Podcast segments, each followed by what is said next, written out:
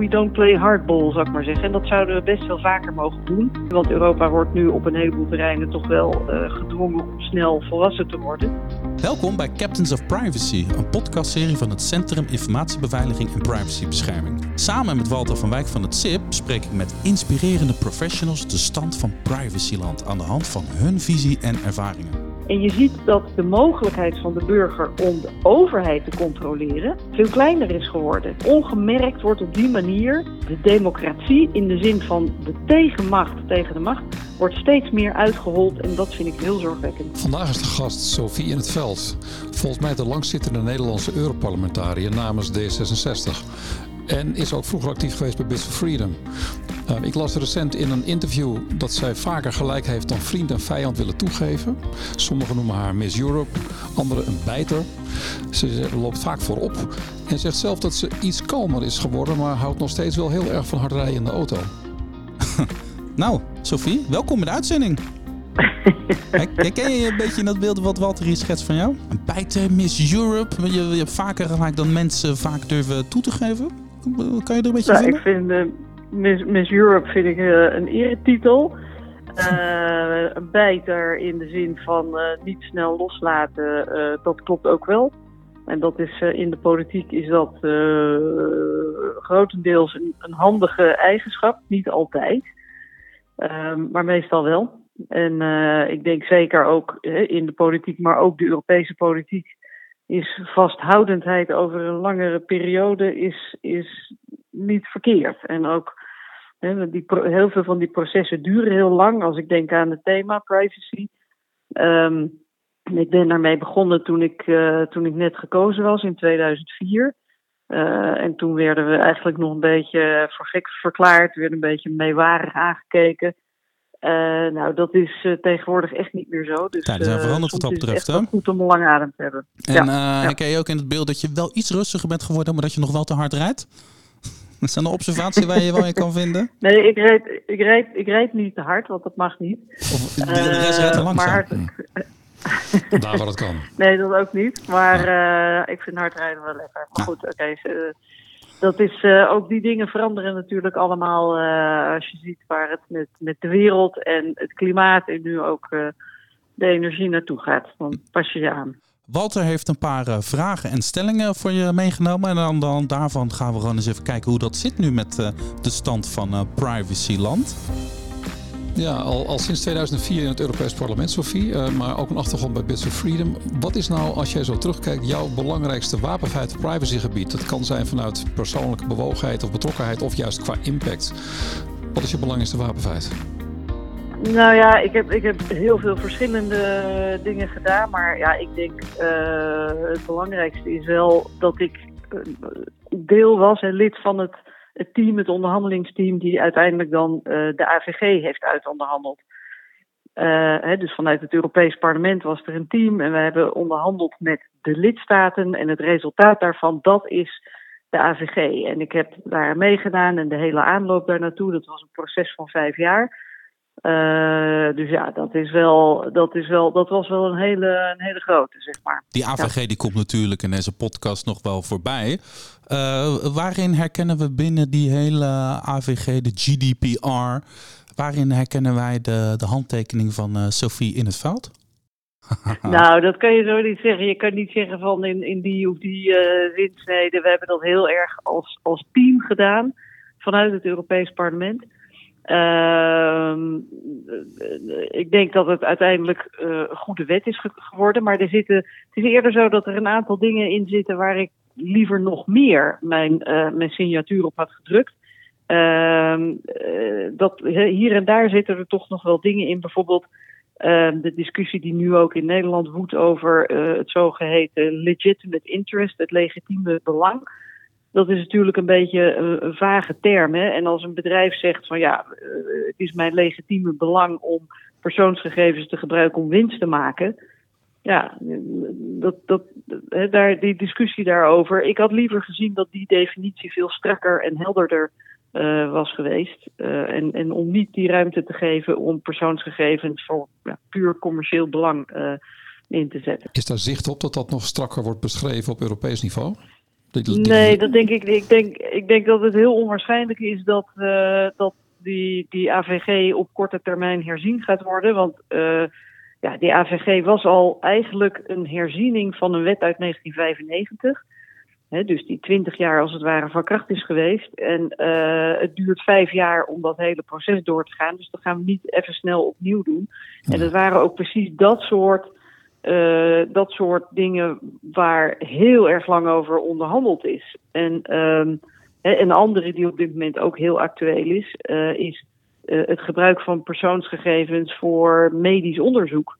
daar hebben we ook enorme discussie over gehad. En aan de ene kant willen wij natuurlijk allemaal graag, zeker ook met COVID in gedachten, uh, dat gegevens zoveel mogelijk gebruikt kunnen worden voor medisch onderzoek om ja, medicijnen uit te vinden en ons allemaal beter te maken. Aan de andere kant uh, weten we ook dat de farma-industrie daar gigantische bedragen mee verdient. Ja, en, en om, om dat met elkaar in overeenstemming te brengen, dat zijn dingen waar je heel lang over aan het onderhandelen bent. Dus als het één keer ligt, dan ga je dat niet even openbreken. Want ja, dan komen meteen alle verschillende belangen komen opnieuw rond de tafel. Dus het is belangrijker dat je gaat kijken van hoe gaan we met, met elkaar die uh, clausules interpreteren. Overigens, dit is een leuk thema. We hebben ook nog een leuke opname met de Irit Kist. Zij is van het NKI. En zij gaat ook praten over uh, wetenschappelijk onderzoek, persoonsgegevens. Mm -hmm. uh, ook te horen in deze podcast. We hebben een paar stellingen voor je meegenomen. Walter, eerste stelling in, Sophie. Uh, maar dan breder dan zoals je het nu beschrijft in de medische hoek, namelijk uh, digitale vrijheid. Daar heb je het ook over op je eigen website. Uh, zou ik zeggen, is eigenlijk een illusie. Hoe deel je die mening? Digitale vrijheid is een illusie. Nou, ik hoop van niet.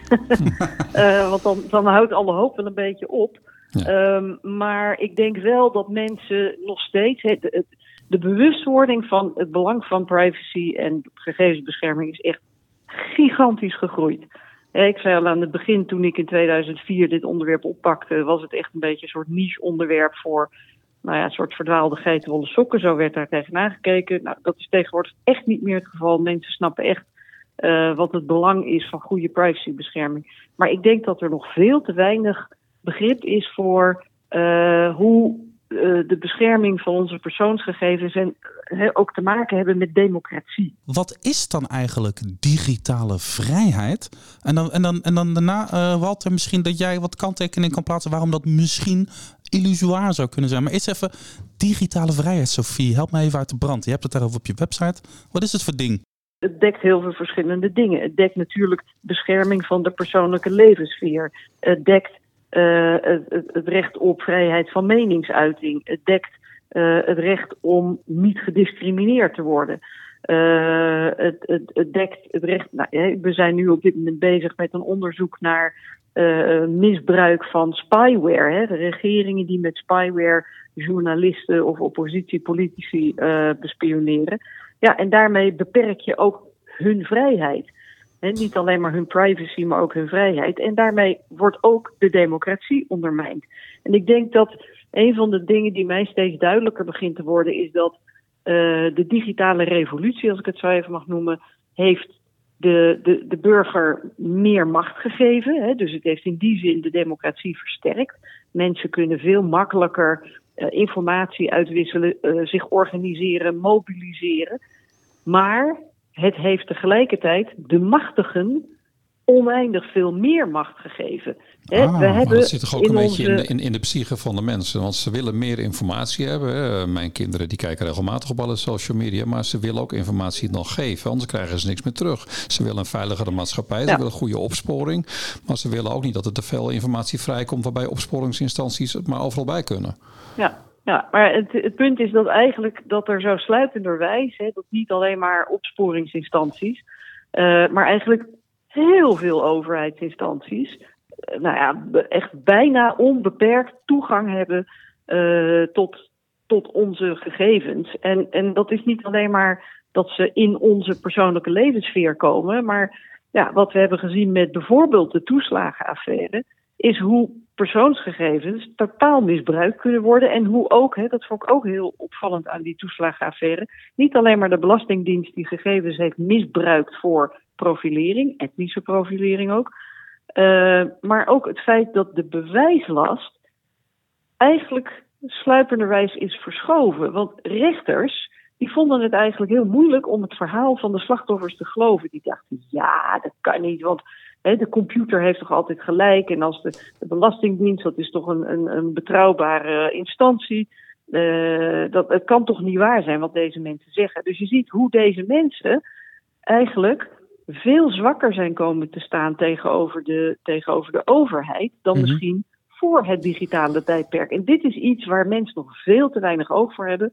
En zodra er ergens een bedreiging is, hè, of het nu gaat over terreur, misdaad, uh, sociale zekerheidsfraude, kindermisbruik, nou, noem het allemaal maar op. Dan is de eerste reflex, oh, de overheid moet meer informatie over ons hebben.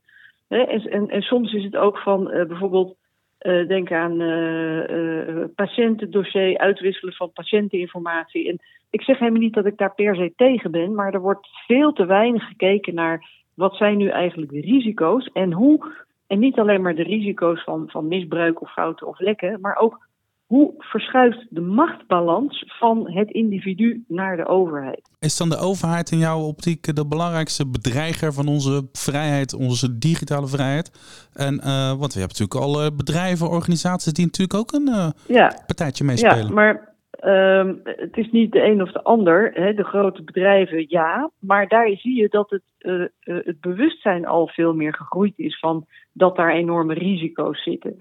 Uh, er is tegenover de overheid, vind ik toch nog een blind vertrouwen. En ik bedoel, je zou mij niet horen zeggen dat we de overheid moeten wantrouwen. Maar ik denk wel dat we de ogen moeten openen voor die machtsverschuiving die er optreedt van de burger naar de overheid. Um, kijk, er is ooit, hè, laten we zeggen vanaf de Franse Revolutie, zijn wij uh, van onderdaan zijn we burger geworden, als je het zo even mag zeggen. Mm -hmm. en dat betekent dat de overheid feitelijk voor ons moet werken. Ik zie een machtsverschuiving door die digitale revolutie. Die had eigenlijk de macht van de overheid naar de burger moeten uh, verschuiven en niet andersom. En je ziet dat de mogelijkheid van de burger om de overheid te controleren eigenlijk veel kleiner is geworden. Ongemerkt wordt op die manier de democratie in de zin van de tegenmacht tegen de macht wordt steeds meer uitgehold en dat vind ik heel zorgwekkend. En mooi om zo'n visionair standpunt te horen met een wortel naar de geschiedenis toe. We hebben het over de GDPR, de AVG, uh, het werkingssferen op uh, Europees gebied. Maar er wordt in toenemende mate informatie gedeeld en verwerkt uh, met landen buiten de EU. En we hebben natuurlijk heel mm -hmm. vaak te maken met Amerika, met alles wat daar op veiligheidsgebied ja. gebeurt. We hebben Privacy Shield en, en SHREM gehad. Maar er zijn ook meer landen dan alleen maar Amerika. Is het nou niet zo dat verantwoord delen van persoonsgegevens buiten de EU-werkingssfeer een probleem blijft? Ja, nou ja, en vooral omdat de Europese Unie daar eigenlijk slecht onderhandelt bedoel, wij zijn toch nog steeds uh, gigantisch uh, een economische grootmacht. En die positie zouden we moeten gebruiken in de onderhandelingen met derde landen. en dat gebeurt onvoldoende, want ja, er wordt dan onderhandeld door de Europese Commissie. de Europese Commissie die ehm, ja, te weinig openheid van zaken geeft, ehm, met rugdekking overigens van de nationale regeringen. En dan, um, ja, ze, ze, ze ook in, he, met name de onderhandelingen met de Amerikanen, uh, geven ze gewoon veel te veel weg. En vergeet ook niet dat uh, het gaat niet alleen maar over uh, bilaterale gegevensuitwisseling tussen Europa en derde landen, maar die landen onderling, die delen ook gegevens. En wij zouden bij wijze van spreken, hè, wij, hebben, wij kunnen bijvoorbeeld een heel goed akkoord sluiten met Canada. Maar vervolgens wordt Canada gedwongen door de Verenigde Staten om die gegevens met Amerika te delen. Ja, dan heb het nakijken. Wat ik merkwaardig vind is dat we, je merkte met die GDPR, dat was voor het eerst dat we als Europa echt met iets groots kwamen. Uh, ja. De privacy-wetgeving zal ik maar zeggen. Je merkt ook gelijk dat, dat dat internationaal ook misschien wel een beetje de standaard werd. De, de, de grote techbedrijven ja. gingen, die gingen makkelijk mee daarin. Dat zou toch een -hmm. zekere mate van uh, zelfvertrouwen moeten geven. Van, oh wauw, wow, als wij ja. vinden dat iets op een bepaalde manier moet gebeuren, dan doen we dat gewoon.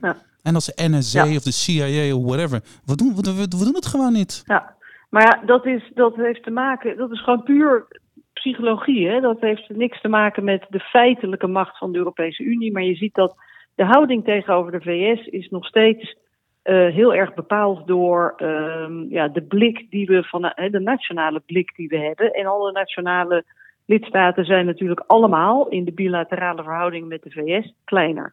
En dat, die mindset uh, bepaalt heel erg onze houding. Hè. De Amerikanen die zijn echt ongelooflijk assertief. Uh, en Europa zou daar veel meer tegenover kunnen stellen, maar uh, doet dat niet.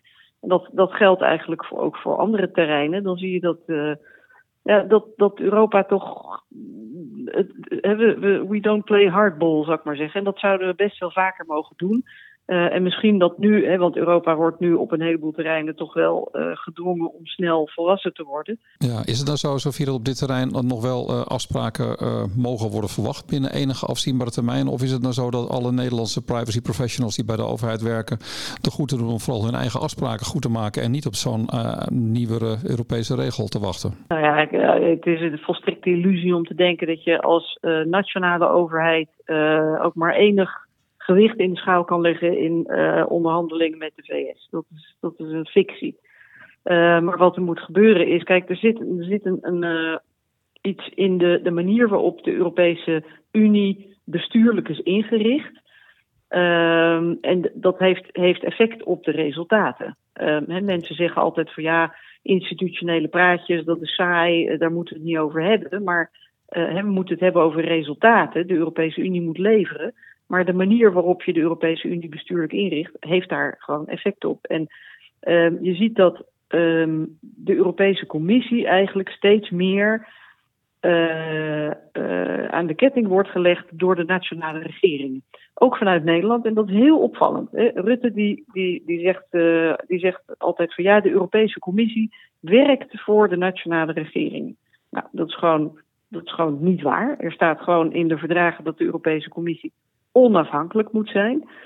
Uh, maar dat, die opvatting, die, dat is eigenlijk een soort breuk ook met de Nederlandse traditie. Nederland had altijd als klein land belang bij een sterke Europese Commissie.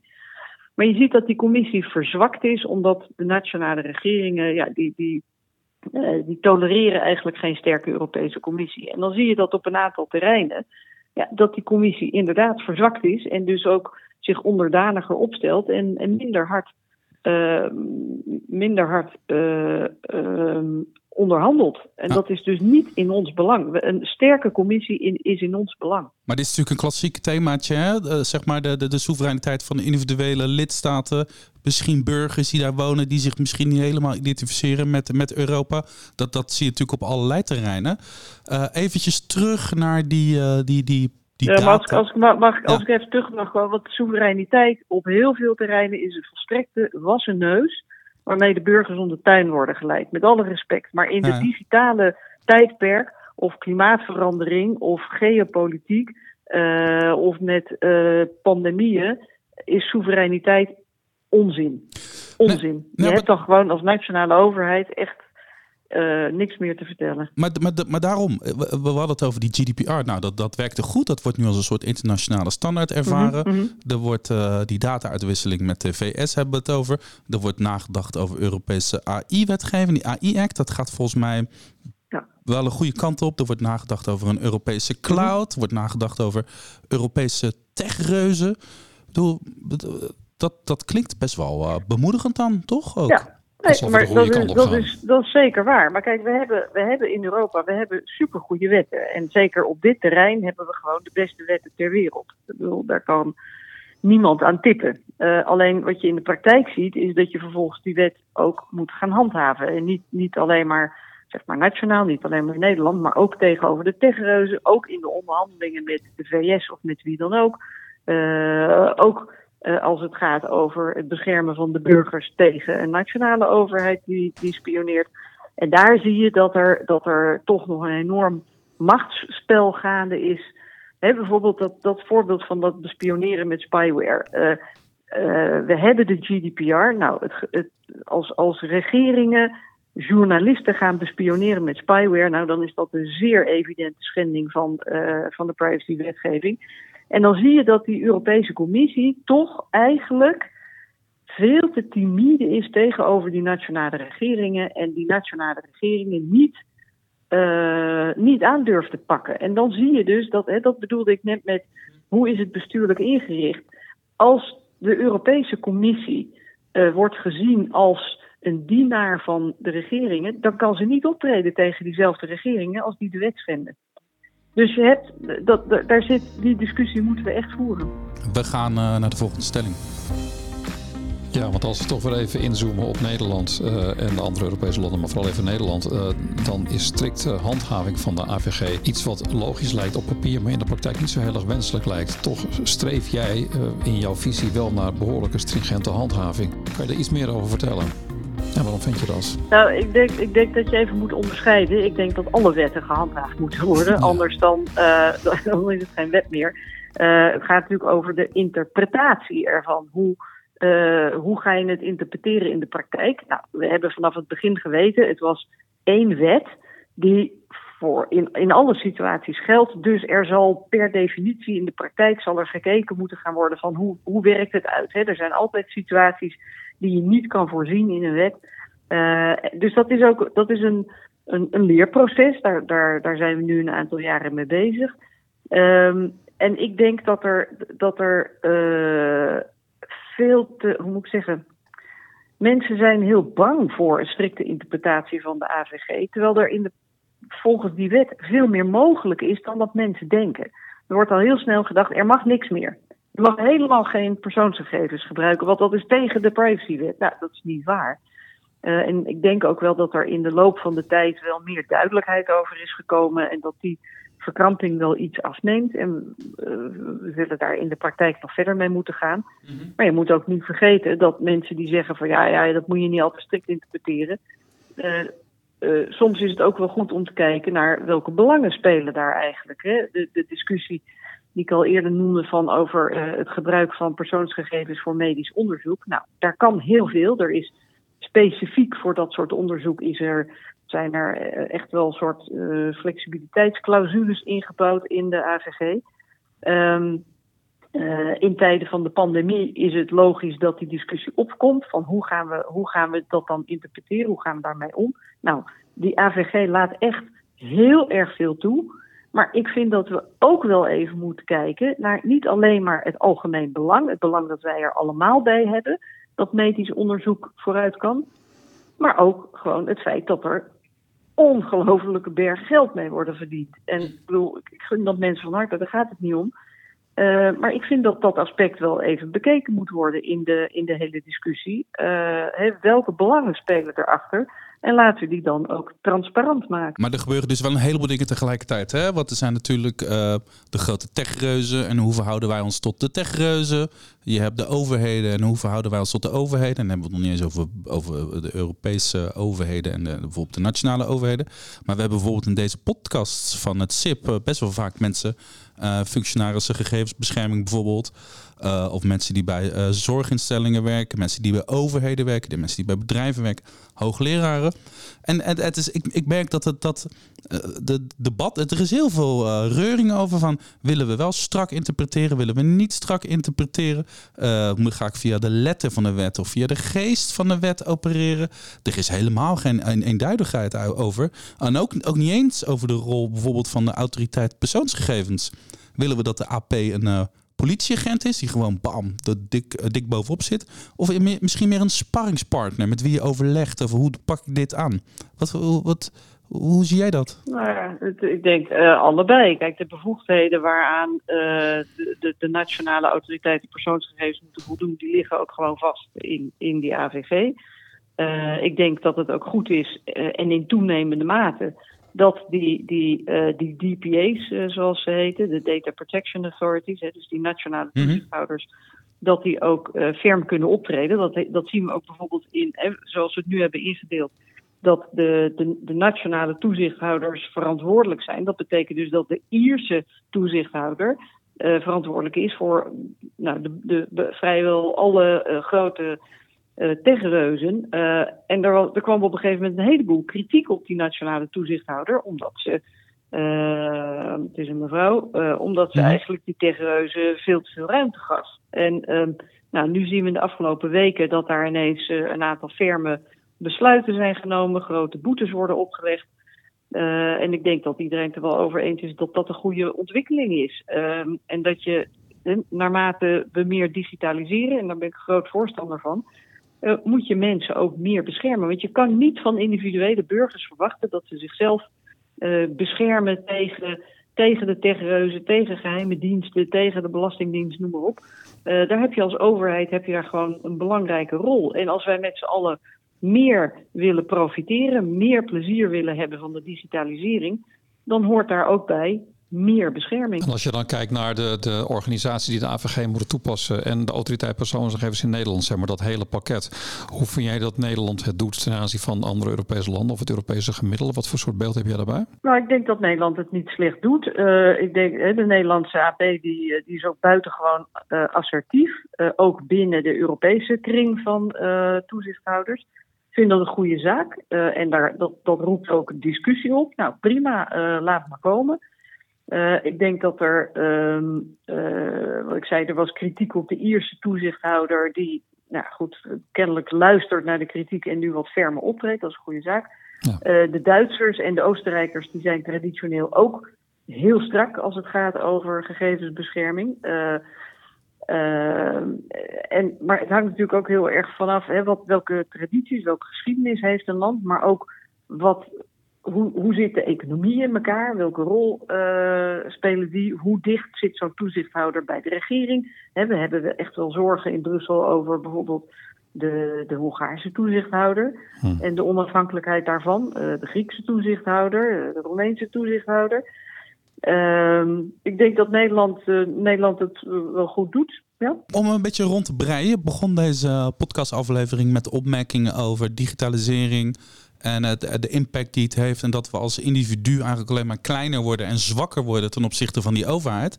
Nu eh, kom jij natuurlijk ook uit een hoek van uh, Bits of Freedom. Er is toch altijd een soort, altijd een soort, soort droom dat, de, dat het een soort emanciperende werking heeft voor de, voor de burger. Er is vrije uitwisseling van informatie. Je kan je verenigen op internet. Je kan mhm. medestanders vinden. Uh, wat is daar, wat, waar is dat verhaal gebleven? Nou, dat is, dat is uh, overigens, ik heb uh, samengewerkt met Bits of Freedom en niet voor Bits of Freedom. Je hebt met ze gewerkt, ja, ja, ja. Ja, um, maar um, uh, die emanciperende werking, die, die is er zeker. Hè. Ik zei dat eerder, mensen kunnen informatie delen, ze kunnen communiceren, ze kunnen zich organiseren, mobiliseren. En we zien ook bijvoorbeeld, hè, dat heeft destijds met de, de Arabische lente of uh, zelfs in China. Of, of, weet je, je ziet dat dat werkt. Het probleem is, is niet de emanciperende werking. Het probleem is dat de macht, de machtigen, um, die hebben proportioneel veel meer macht gekregen. Dus de ah. burger heeft wel meer macht gekregen, maar de machtigen boven hem hebben nog veel meer macht gekregen. Dus de kloof is vergroot. En Kijk, met wetgeving kunnen we bedrijven, de macht van bedrijven, kunnen we enigszins inperken. En dat zie je ook wel gebeuren. En Europa speelt daarin uh, een voortrekkersrol. Maar uh, ik denk dat mensen heel weinig in de gaten hebben hoezeer hun macht ten opzichte van de overheid eigenlijk is verzwakt. Ik zie wat heel, heel driftig uh, gebaren. Die wil nog even wat vragen, Sophie. Even ter afronding, en dat is misschien ook wel leuk om iets te horen van jouw kwetsbaarheid. Waar is het bij jou nou misschien een keer niet zo heel lekker gegaan? Heb je een blooper waar je gewoon een hele belangrijke les in geleerd hebt? En wat zouden anderen daarvan kunnen opsteken? Oeh, uh, ja, ja nou, benieuwd. je, je, zal mij niet horen zeggen dat ik, uh, dat, dat ik nooit fouten maak of zo. Om te zeggen, op dit terrein heb ik nou een, een hele grote blooper uh, begaan. Ja, weet je, als... Ja, wat zou je achteraf anders aangepakt hebben? Als parlementariër, nou, ja, weet je, met de kinderen van nu kan je, kan je altijd uh, dingen zeggen van, uh, misschien had ik toen uh, met die moeten praten, zodat ik daarop een meerderheid had gekregen. maar het is nooit zo, om, omdat je als parlementariër nooit in je eentje, zeg maar, alles kan besluiten, kan je ook nooit in je eentje altijd alles helemaal fout doen. Maar ik denk wel dat de, de, de, als het gaat bijvoorbeeld over de AVG, om daar misschien even bij te blijven. Uh, uh, daar zitten toch een aantal zwakke plekken in. Ehm, de, definities die vaag zijn en heel erg veel ruimte bieden. Eh, of achterdeurtjes die er toch in zitten, waarvan ik denk, ja, dat, dat, vind, ik toch, dat vind ik toch jammer. En uh, ik, het is niet zozeer blooper, het is meer frustratie en zorgen ook over uh, dat ik toch zie dat ondanks alle hele goede wetgeving die we hebben, dat er toch in de praktijk dat de bescherming van de burger toch eigenlijk nog niet adequaat is. Het is nog niet Ehm, optimaal. En, en ik, het, is meer, het is meer niet zozeer een blooper, het is meer dat ik mezelf afvraag, wat moet ik nu doen om dat verhaal nog meer over de bühne te krijgen? Dat is mijn frustratie, mijn zorg, dat ik denk, waarom lukt het niet eh, om als het ware iedereen wakker te schudden eh, en te zeggen, jongens, eh, we moeten ons hier bewust van worden. Nu moet ik wel zeggen dat ik die frustratie in 2004 ook had over überhaupt het thema privacy. En uiteindelijk is dat bewustzijn ook wel gekomen. Dus mi- misschien ben ik gewoon te ongeduldig. Is dat. Nou, ik geloof eh, die, die typeringen van Walter aan het begin van deze opname. eh, je, je, je bent een bijter en je gaat gewoon door. Eh blijf de mensen erop wijzen. Ik heb er wel vertrouwen in. Da- dankjewel. Dankjewel Sofie in het veld, Europarlementariër van D66. Hopelijk heeft dit gesprek jou als luisteraar een beetje geïnspireerd. Luister dan ook de andere afleveringen van Captains of Privacy terug. Gaat bijvoorbeeld ook over de zorg. We hebben allemaal leuke, leuke opnames gemaakt. Eh, Walter, waar kunnen de mensen deze terugluisteren? Op onze website sip-overheid.nl slash uitgelicht.